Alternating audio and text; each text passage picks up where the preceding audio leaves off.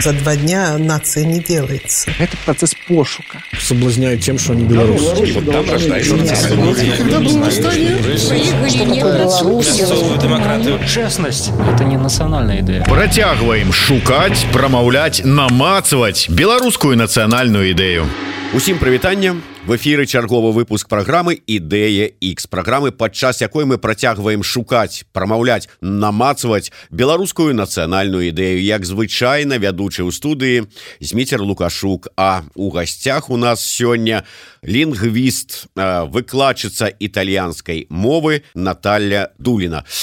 Добрый день спадарня Наталья. Добрый день. Калі мы все-таки кажам выкладчыца может быть гэтыя ўсе фенемітывым не трэба было казаць і лингвистка э, ну, можно было бы конечно хотя мне кажется что э, это такое новое слово к которому э, еще не привыкли а вот э, тем более что это слово иностранное да а вот преподавательница это уже классика. Просто почему-то сейчас такая тенденция из э, слов с э, женским суффиксом делать почему-то э, значит э, мужской род да там вместо учительницы учитель вместо продавщица продавец.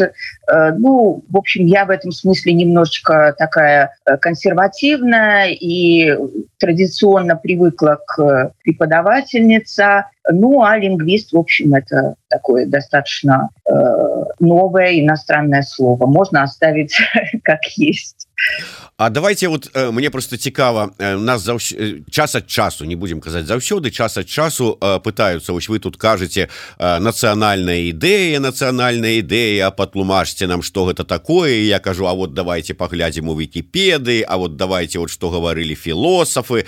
А калі вот с лінгвістычнага пункту гледжання вот что для вас у гэтым вось выказыванні словазвучэнні нацыянальная ідэя чуецца як лінгвісту вы знаете наверное с точки зрения лингвиста здесь э, трудно что-то обозначить научно.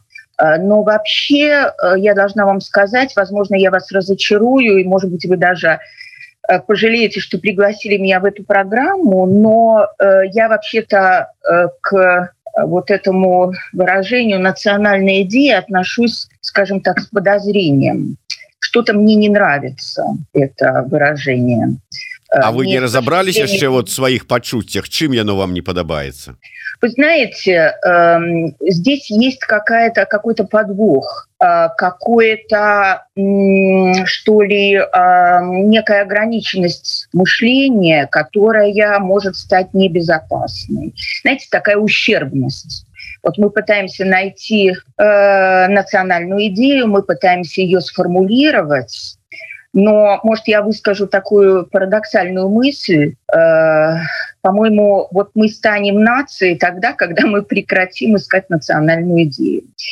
Э, вообще слово «идея» тоже, знаете, такое э, очень э, общее по своему значению, его можно трактовать и как-то в более узком смысле, в более широком.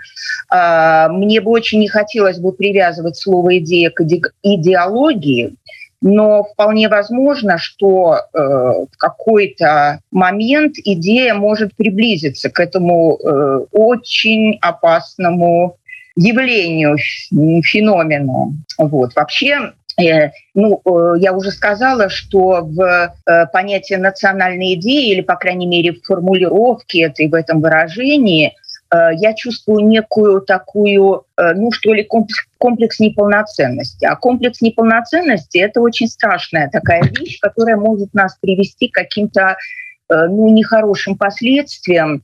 Э, тут я как итальянистка могу вспомнить, э, знаете, в Италии после Первой мировой войны э, у итальянцев тоже был комплекс неполноценности, потому что вот как-то мир, Европа как казалось, Италия недооценила ее вклад и, в общем, как бы даже вычеркнула, проигнорировала Италию и в итоге что получилось? Получилось, что тогда существовала уже там, социалистическая партия, э, либеральная партия, республиканская партия. И вот один э, социалист, он, так скажем, современными словами переобулся да, и э, создал свою партию. Вот. Сначала это были местные ячейки, которые Э, ну, к, так скажем, отсылка к Древнему Риму назывались фации, да? а по-итальянски это будут фаши. И что получилось? Потом объединились эти ячейки, получился фашизм.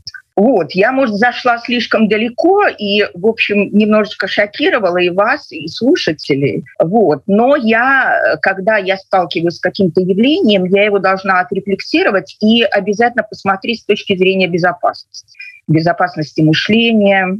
Вот, поэтому, а если говорить о национальной идее, как э, вообще, ну, она где-то в воздухе есть, что, что мы видим, что из себя представляет национальная идея, как, может быть, некоторые особенности белорусов по сравнению, может быть, с другими э, нациями, культурами. Э, то, наверное, э, даже не формулируя это как национальная идея, э, белорусам нужно избавиться от двух вещей, чтобы стать просто обычным европейским государством. Европейским не только с точки зрения расположения, но и с точки зрения, так скажем, усредненного такого менталитета и каких-то там привычек, традиций. И эти две вещи, от которых должны избавиться белорусы, белорусы, мне кажется, это так называемый совок, да, советское прошлое, и, естественно, Россия, русский мир. Почему? Потому что мы не осознаем, что э, вообще-то э, даже в своей повседневной жизни э, мы постоянно привязаны, мы э, демонстрируем э, вот это вот наследие, вот это вот влияние, даже в каких-то мелочах, в том, как мы э, празднуем какие-то события, как мы выпиваем, какие у нас привычки собираться вместе. Но это могут быть мелочи какие-то, которые сейчас, наверное, очень э, сложно так вот э, на ходу проиллюстрировать. Но вот если об этом задумываться и наблюдать над этим, то это можно э, почувствовать. Не зря же э, вот это вот уже избитое клише, что э, Беларусь это, Беларусь это последний островок Э, Советского Союза. Да? Ну, последний, не последний, но, в общем, это такой э, маленький э, законсервированный советский вот такой мир. Ну а что касается России, ну, ну, Россия тоже во всем. Вот этот русский мир, ну, начнем с чего? Я не знаю, может, я опять-таки захожу как-то очень далеко, вопрос более конкретный или как-то увести другое русло наш не, не, не вот тэма пазбаўлення расійскага ўплыву рускага мира яна вельмі актуальная тым больш что яна праходзіць праз ну я не ведаю як мінімум 200 калі не 300 гадоў беларускай гісторыі так что актуальна і па сёння Да, но э, поскольку я не э, очень хорошо владею информацией об истории, то есть, ну, наверное, как любой гражданин, Э, Беларуси, я, естественно, знаю какие-то вещи, но, может быть, не настолько в них разбираюсь, копаюсь. Вот. Но если, э, опять-таки, обратиться к каким-то более новым временам или даже, скажем, новейшим, да, то э, мы обнаружим, что, э, в общем-то, мы, мы можем сколько угодно кричать до хрипоты, что мы Беларусь, а не Белоруссия, но это ничего не изменит, пока мы не изменим, э, в общем-то, свое отношение к каким-то, может, даже простым вещам. Ну, например, как-то в одной программе я сказала, что вот я вижу будущее Беларуси как обычной среднестатистической европейской страны, у которой есть один государственный язык, белорусский. Я вот помню, что были комментарии э, неоднозначные. Вот даже один комментатор сказал, что я абсолютно во всем с вами согласен, кроме русского языка. За русский язык я порву. Вот, даже так было написано, не потому что он хотел как-то меня обидеть или высказать агрессию, но это прозвучало как такой крик отчаяния. Э, вот. Я, например, не понимаю, зачем русский язык должен быть государственным. Я, например, говорю действительно э, в повседневной жизни по-русски. Мне достаточно сложно формулировать быстро э, свою мысль на белорусском языке. Я стараюсь писать Э, по-белорусски, когда это уместно, эм, э, но благодаря тому, что у меня есть время как-то подумать, исправить, я это делаю гораздо легче, чем говорю. Но так получилось, что в школе я не изучала белорусский язык. Но, э, опять-таки, возвращаясь к, эм, скажем, к существованию русского языка в Беларуси, я здесь не вижу никакой трагедии, ничего страшного, потому что Э, ну, э, единый государственный язык, один э, государственный язык белорусский, э, не означает, что э, граждане Беларуси не могут использовать другие языки. Да ради бога. У меня, например, бабушка с дедушкой говорили на идиш. Ну, они также и говорили по-русски но, ну, я не знаю, кстати, когда-то, по-моему, идиш и еще некоторые языки, польский и так далее, имели какой-то статус там чуть ли не официальный. Белорусская Народная Республика, четыре державных мовы. Да, Белорусская, да, да. русская, польская и э, идиш. Да, вот я как раз об этом говорю, но поскольку вы э, правильно мне напомнили, как это э, действительно точнее, так скажем, будем говорить. Вот. Но э, я считаю, что если мы Беларусь, если мы отдельное государство, у нас должен быть отдельный язык. Я совершенно не понимаю, при чем тут русский язык как государство. Вот. Но такие комментарии, да, о которых я говорила, это данность. То есть мы не можем э, не обратить на это внимание. И действительно мы знаем, что это один из э, таких деликатных вопросов, потому что когда эм, э, вот, создавалась э, ну, демократическими силами, э, создавался вариант Конституции, мы об этом говорили, говорили о том, что наверное, или нужен какой-то переходный период, или как, каким-то образом нужно этот вопрос смягчить, потому что он может испортить все остальное. Вот, если, потому что люди не готовы. Так же, как, например, я считаю, есть еще один очень деликатный вопрос, который связан с тем, насколько быстро мы сможем перейти к демократии. Это вопрос, например, смертной казни, потому что тоже я интересуюсь мнениями граждан Беларуси, и это мнение меня не может радовать, потому что действительно многие, э, которые считают себя демократами и, в общем-то, ратуют за новую Беларусь, они, тем не менее, погрязли еще вот в этих вот э, э, старых таких консервативных представлениях.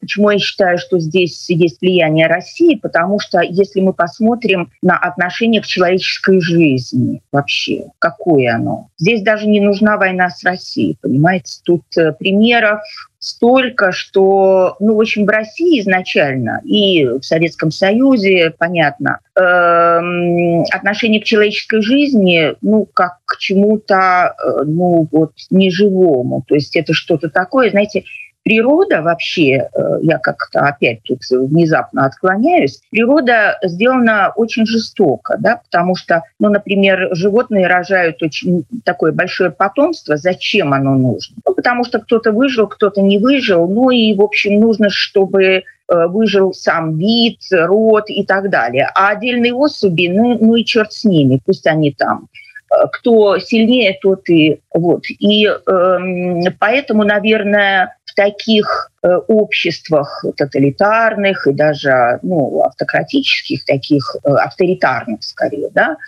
эм, как нынешняя Россия и Беларусь, э, наверное, вообще человеческая жизнь не, ну, как бы не, не участвует в каких-то вообще представлениях, взглядах. Мне помнится, что в какой-то программе э, Ирина Хакамада, по-моему, это даже было у Соловьева, э, так скажем, не, не к ночи будет сказано, она говорила о том, в общем, они рассуждали о том, как э, выстраивается демократическое общество, и он ей задал вопрос, а что вообще такое демократия? Она сказала, что демократия – это когда э, внизу э, идет государство, потом над ним идет общество, а на самой вершине – человек. А вот не демократическое, все наоборот. Это вверху государства, потом общество, а человек где-то там под ногами болтается внизу. Вот, поэтому, э, возвращаясь к тому, с чего я начала, э, я понимаю, что вопрос э, государственного языка очень деликатный, и он может провести такую красную линию, расколоть наше общество, сейчас очень опасно. То есть общество нужно, я не знаю, как-то подготавливать, воспитывать, просто в какой-то момент говорить «стоп», давайте подумаем, порассуждаем, а вообще о чем идет речь.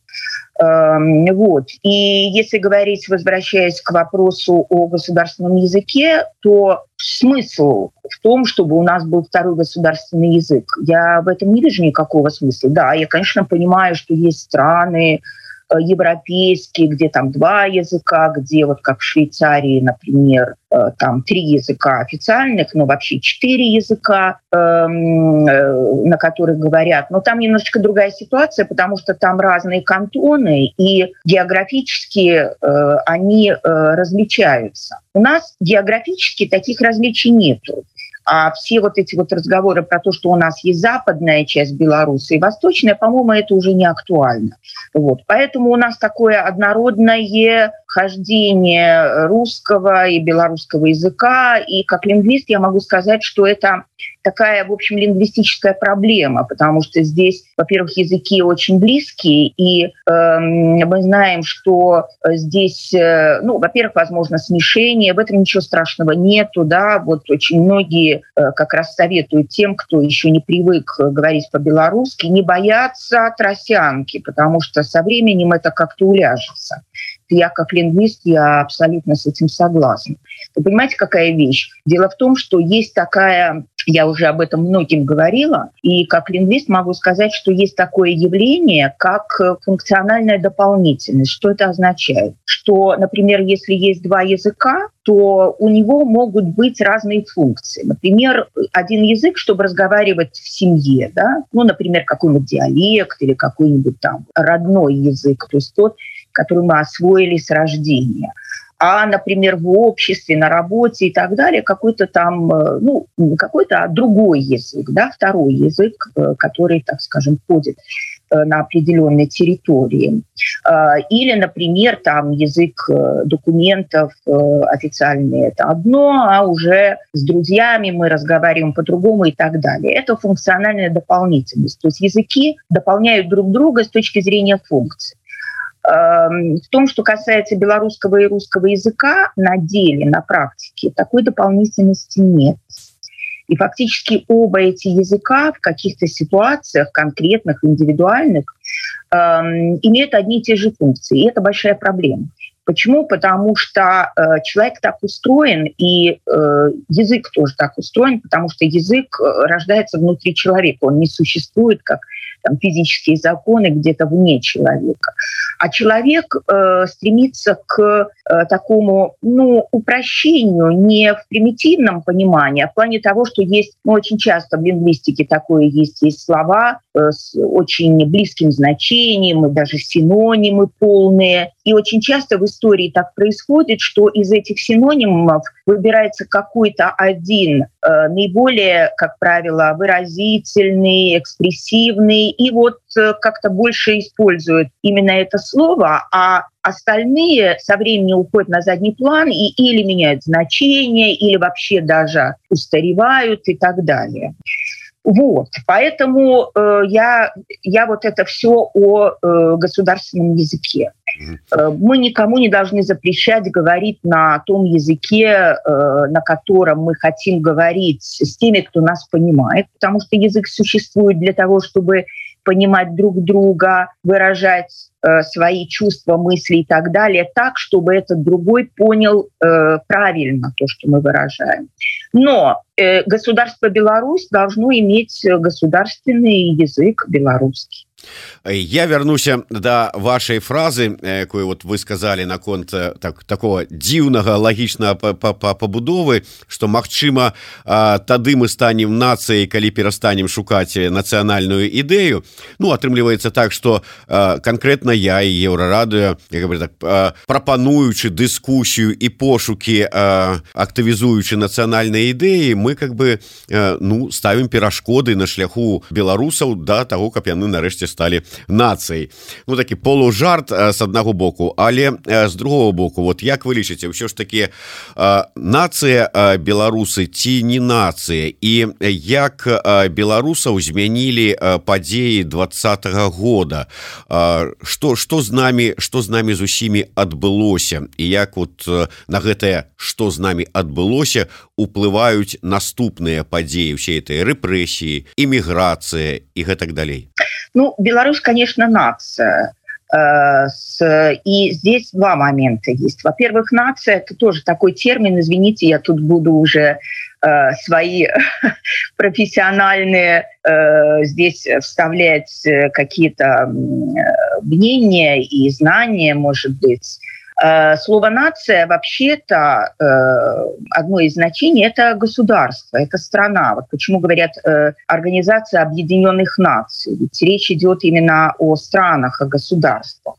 Вот. А нация в смысле некая общность, безусловно. И здесь мы имеем дело не только с территорией, но и с культурой, культурой, менталитетом, который сложился э, ну, э, в результате каких-то исторических э, событий, развития и воспитания. Потому что знаете, ведь воспитание такая вещь, которая, ну, вообще говорят, что человек формируется и даже с точки зрения языка, его лексикона, первые семь лет, как ни странно, а потом уже идут какие-то остатки. Я думаю, что в воспитании тоже все закладывается достаточно рано.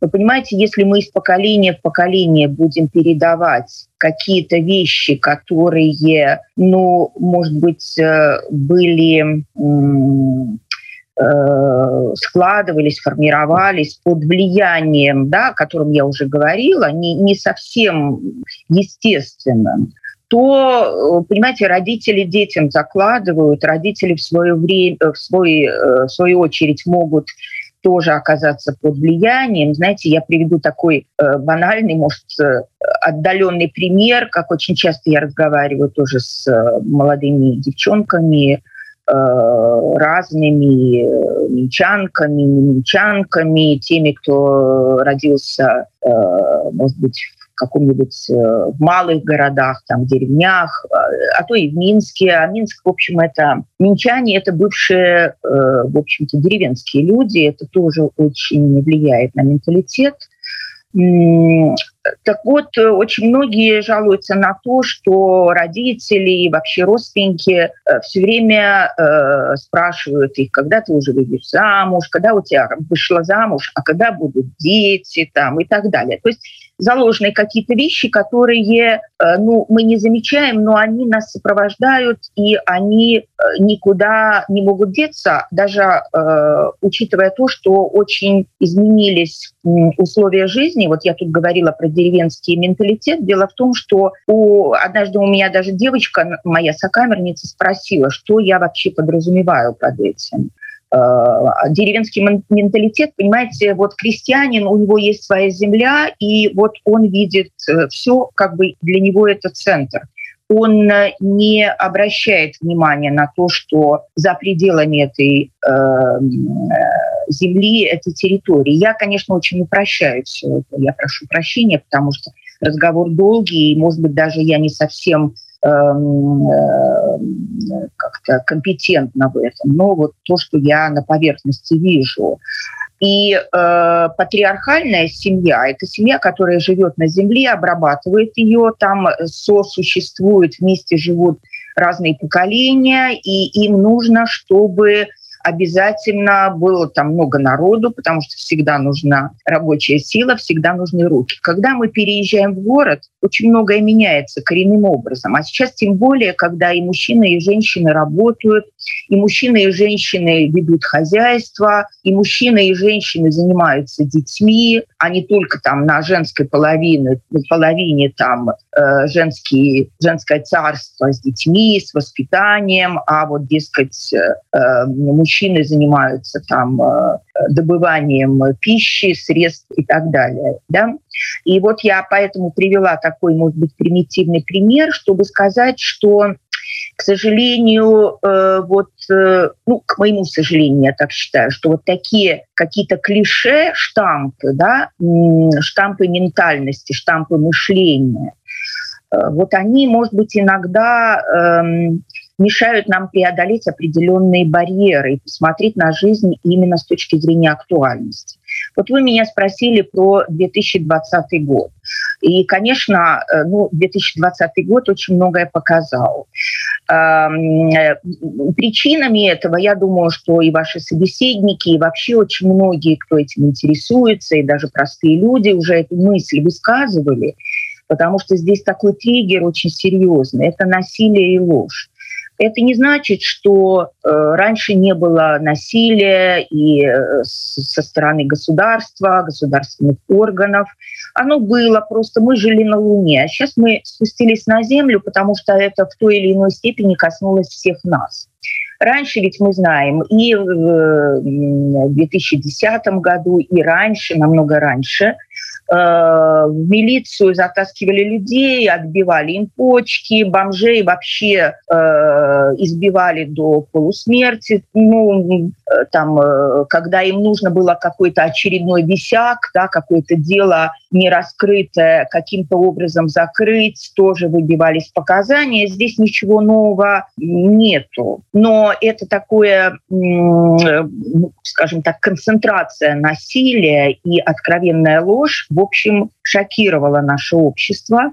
И поэтому э, так много народу откликнулось. Откликнулось много народу, потому что это э, совершенно неслыханная ложь, фальсификация, когда общество показало, что, смотрите, мы, вот, платформа «Голос», мы сейчас будем это контролировать, потому что так нельзя. Нельзя вот таким образом, прям вот, э, вообще Лукашенко с самого начала делал какие-то совершенно неслыханные ошибки, потому что он же начал э, еще до э, э, в самом начале избирательной кампании, когда он засадил кандидатов. Это, конечно, не впервые, но раньше он действовал уже, так скажем, на подступах, когда уже э, скажем так, происходили выборы, когда Никляева там избивали и так далее. Но сейчас это началось э, слишком рано. Э, цифру, которую он нарисовал или ему нарисовали, эта цифра, конечно, тоже произвела неизгладимое э, впечатление на белорусов. И произошло то, что произошло. Вот это вот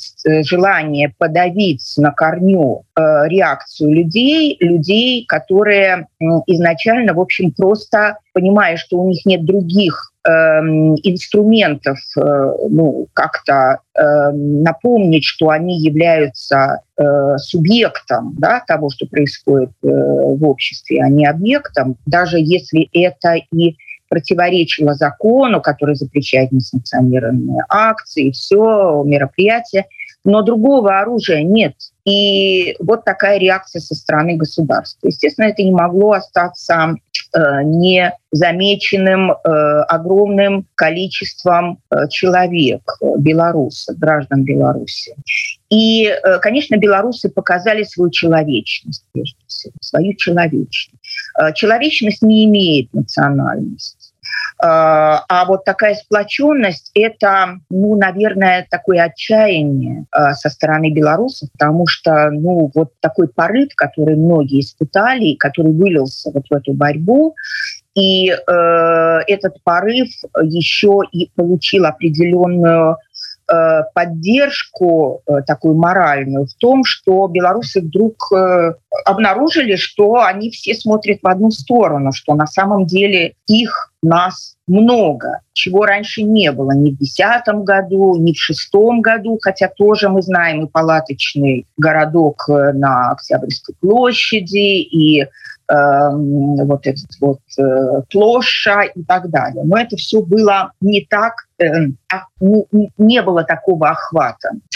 И мне кажется, что здесь ничего нового нету, просто белорусы продемонстрировали свою человечность прежде всего.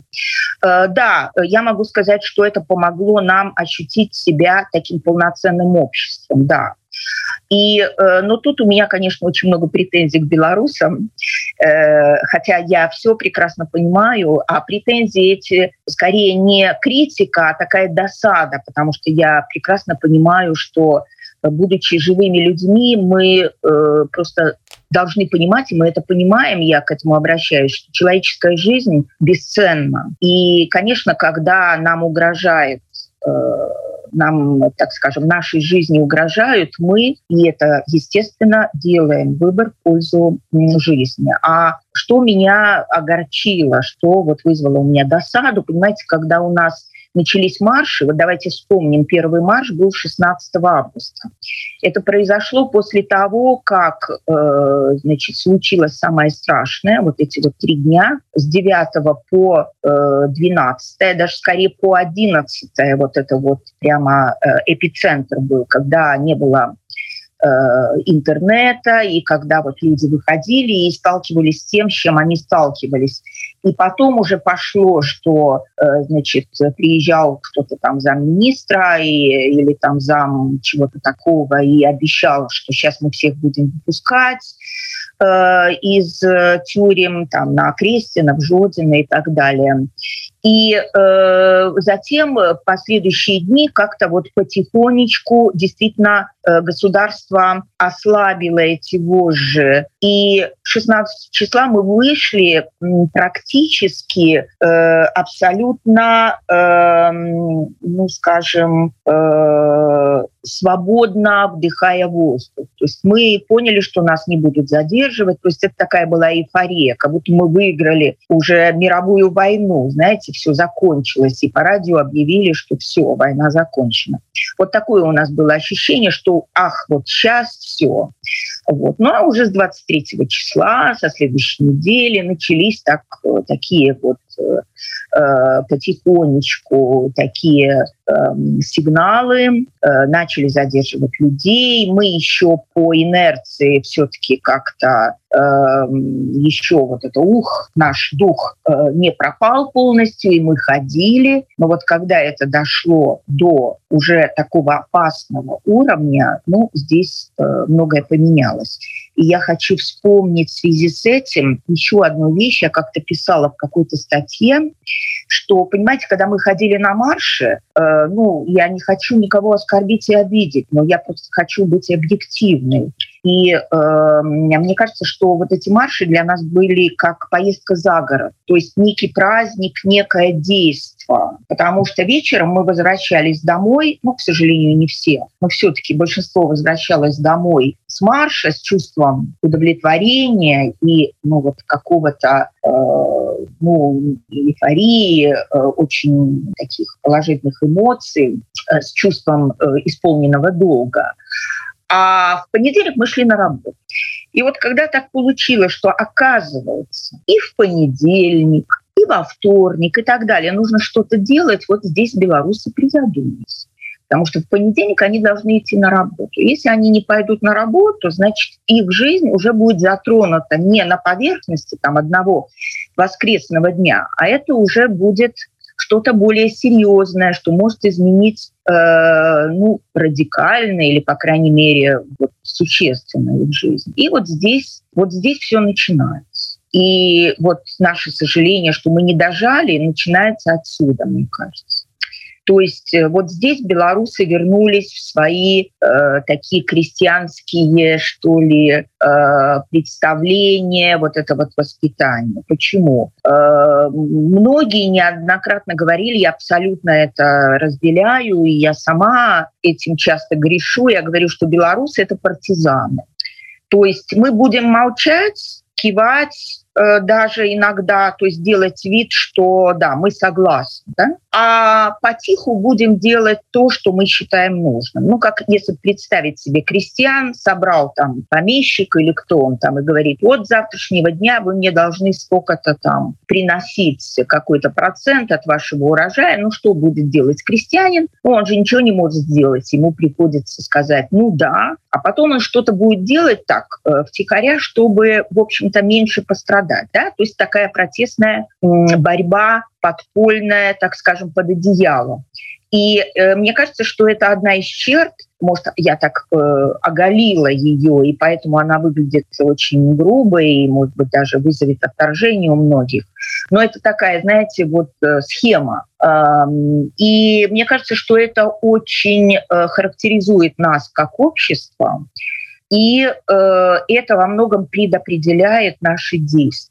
Поэтому, да, мы себя почувствовали э, обществом, безусловно. Мы почувствовали, что нас много и что есть некая общность людей э, гораздо в большей степени, чем раньше.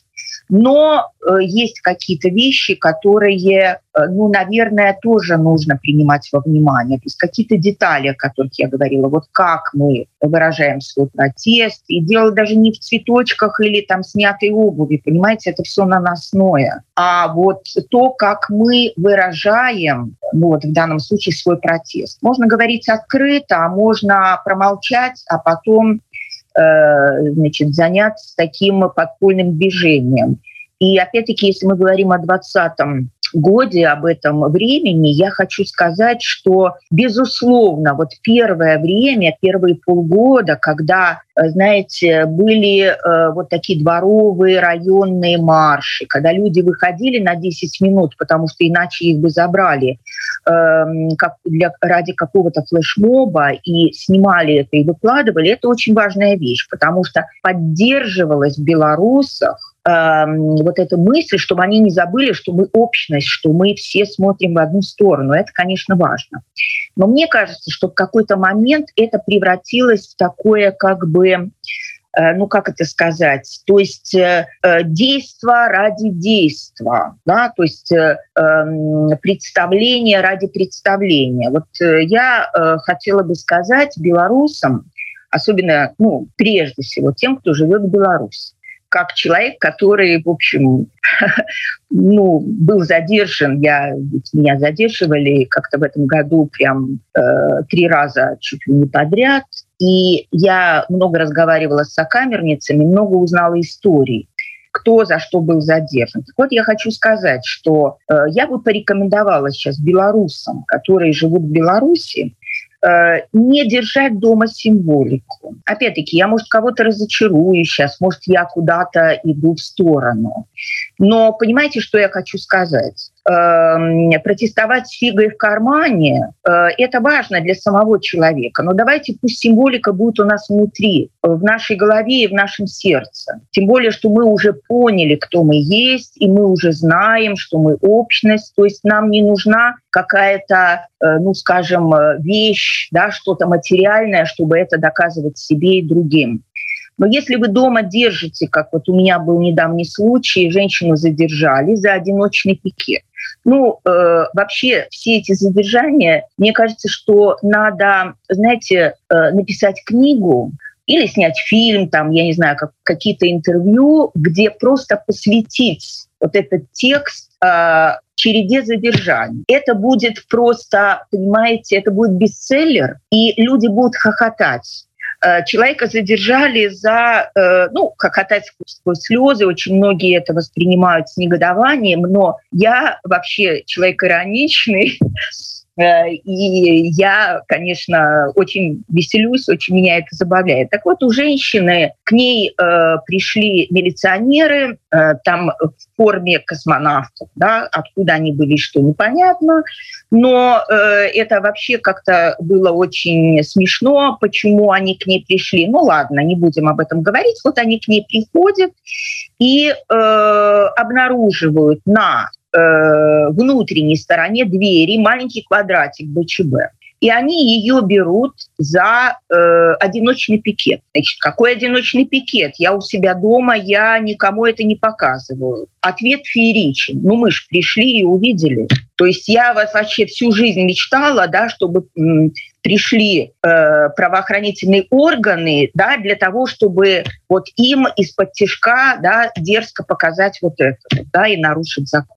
Поэтому я говорю, что если сидеть, то уже чтобы было за что. Да? За какие-то действия, которые могут изменить. Э, я вот, чтобы досказать эту мысль, хочу напомнить начало войны в Украине потому что мы просто не выдержали, несмотря на ту опасность, э, которую мы, э, мы, о которой мы отдавали себе отчет. Да? и пришли на референдум, и буквально в последний момент было объявлено, что там через э, полтора часа, за полтора часа, да, это было объявлено, у Генштаба будет митинг, и мы туда побежали, и многих мужчин похватали, но я считаю, что это то, ради чего стоит сесть. Почему? Не только потому, что мы показали украинцам свою солидарность. Я, может быть, наивна, я, может быть, там, не знаю, э, такая оптимистка или, я не знаю, что-нибудь похуже можно обо мне сказать, что у меня что-то не совсем в порядке с э, реальностью или там с какими-то рассуждениями. Но я считаю, что то, что Лукашенко все-таки не послал белорусские войска в Украину, том числе и вызвано тем, что мы таким образом отреагировали. Потому что, конечно, было понятно, что обращаясь к армии, обращаясь к белорусам с призывом ни в коем случае не нападать на украинцев и не выступать на стороне России, заставила режим задуматься о том, а что будет вообще в итоге, если послать эти войска, чем это кончится. Понимаете, поэтому я хочу верить в то, что вот тогда я, я села, э, ну, было за что, то есть не жалею, да, потому что что-то это изменило. Вот. И еще один совет белорусам, если позволите, потому что ну, очень хочется тоже предупредить. Ради бога, дорогие белорусы, которые живут в Беларуси, не делайте репосты, не передавайте друг другу какие-то материалы из экстремистских изданий. Вы, конечно, можете загуглить и найти список экстремистских изданий, но он постоянно пополняется.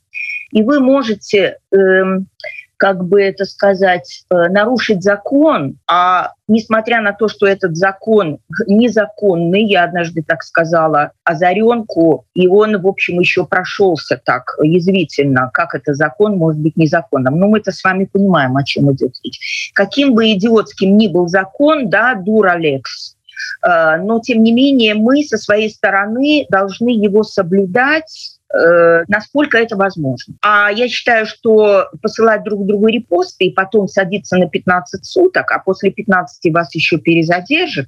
У меня есть случай, когда человека за репост перезадерживали три раза, то есть в итоге четыре срока было да, на Окрестина.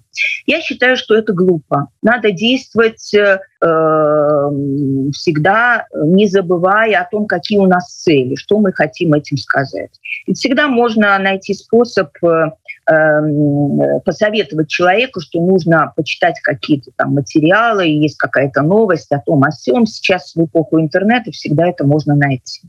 Вот. Я немножко так отдалилась, но мне очень хотелось предупредить я уже считаю себя немножко такой э, опытной в этом вопросе и вижу, что сейчас особенно вот эти два момента, это символика, которая Конечно, некоторые, э, знаете, правоохранительные органы, некоторые силовики приходят нагло в дом со своим флагом, вешают его э, на балконе, э, делают фотографию и забирают человека. Это не самое, скажем так, наглое действие, есть еще похуже, но неважно.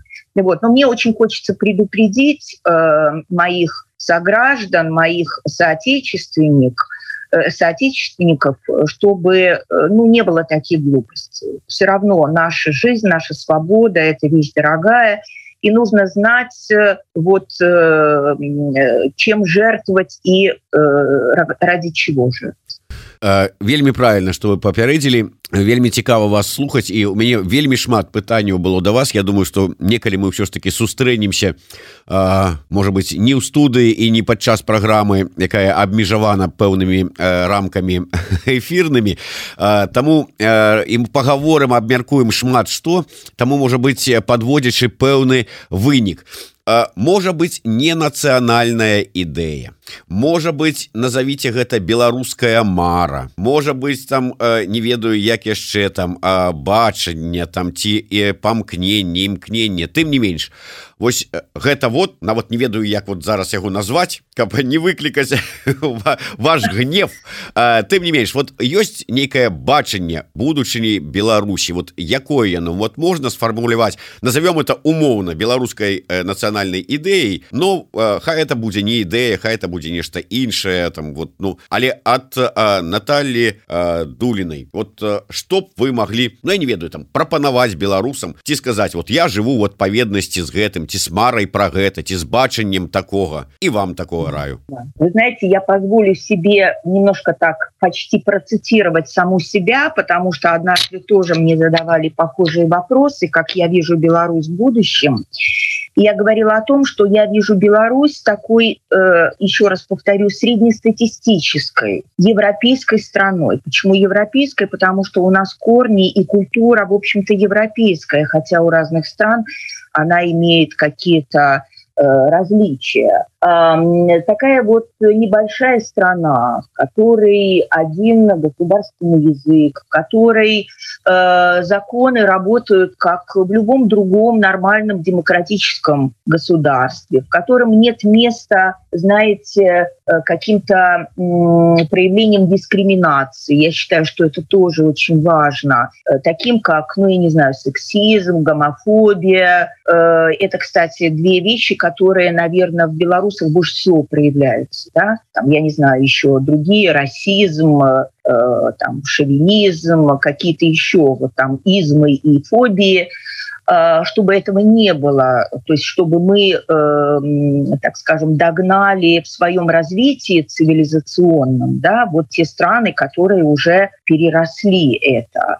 Э, ну и чтобы мы не претендовали на какую-то, э, знаете, такую пафосную Э, может быть, э, эм, э, скажем так, а, особенность свою потому что это чревато, я уже говорила. Э, то есть обычное, э, обычное общество, демократическое, а значит, вот в нас существуют определенные представления, э, значит, законность, когда работает закон, освобождение от каких-то проявлений агрессии по отношению там, к тому, кто, может быть, имеет другое мнение. Да? То есть такое очень уважительное отношение друг к другу.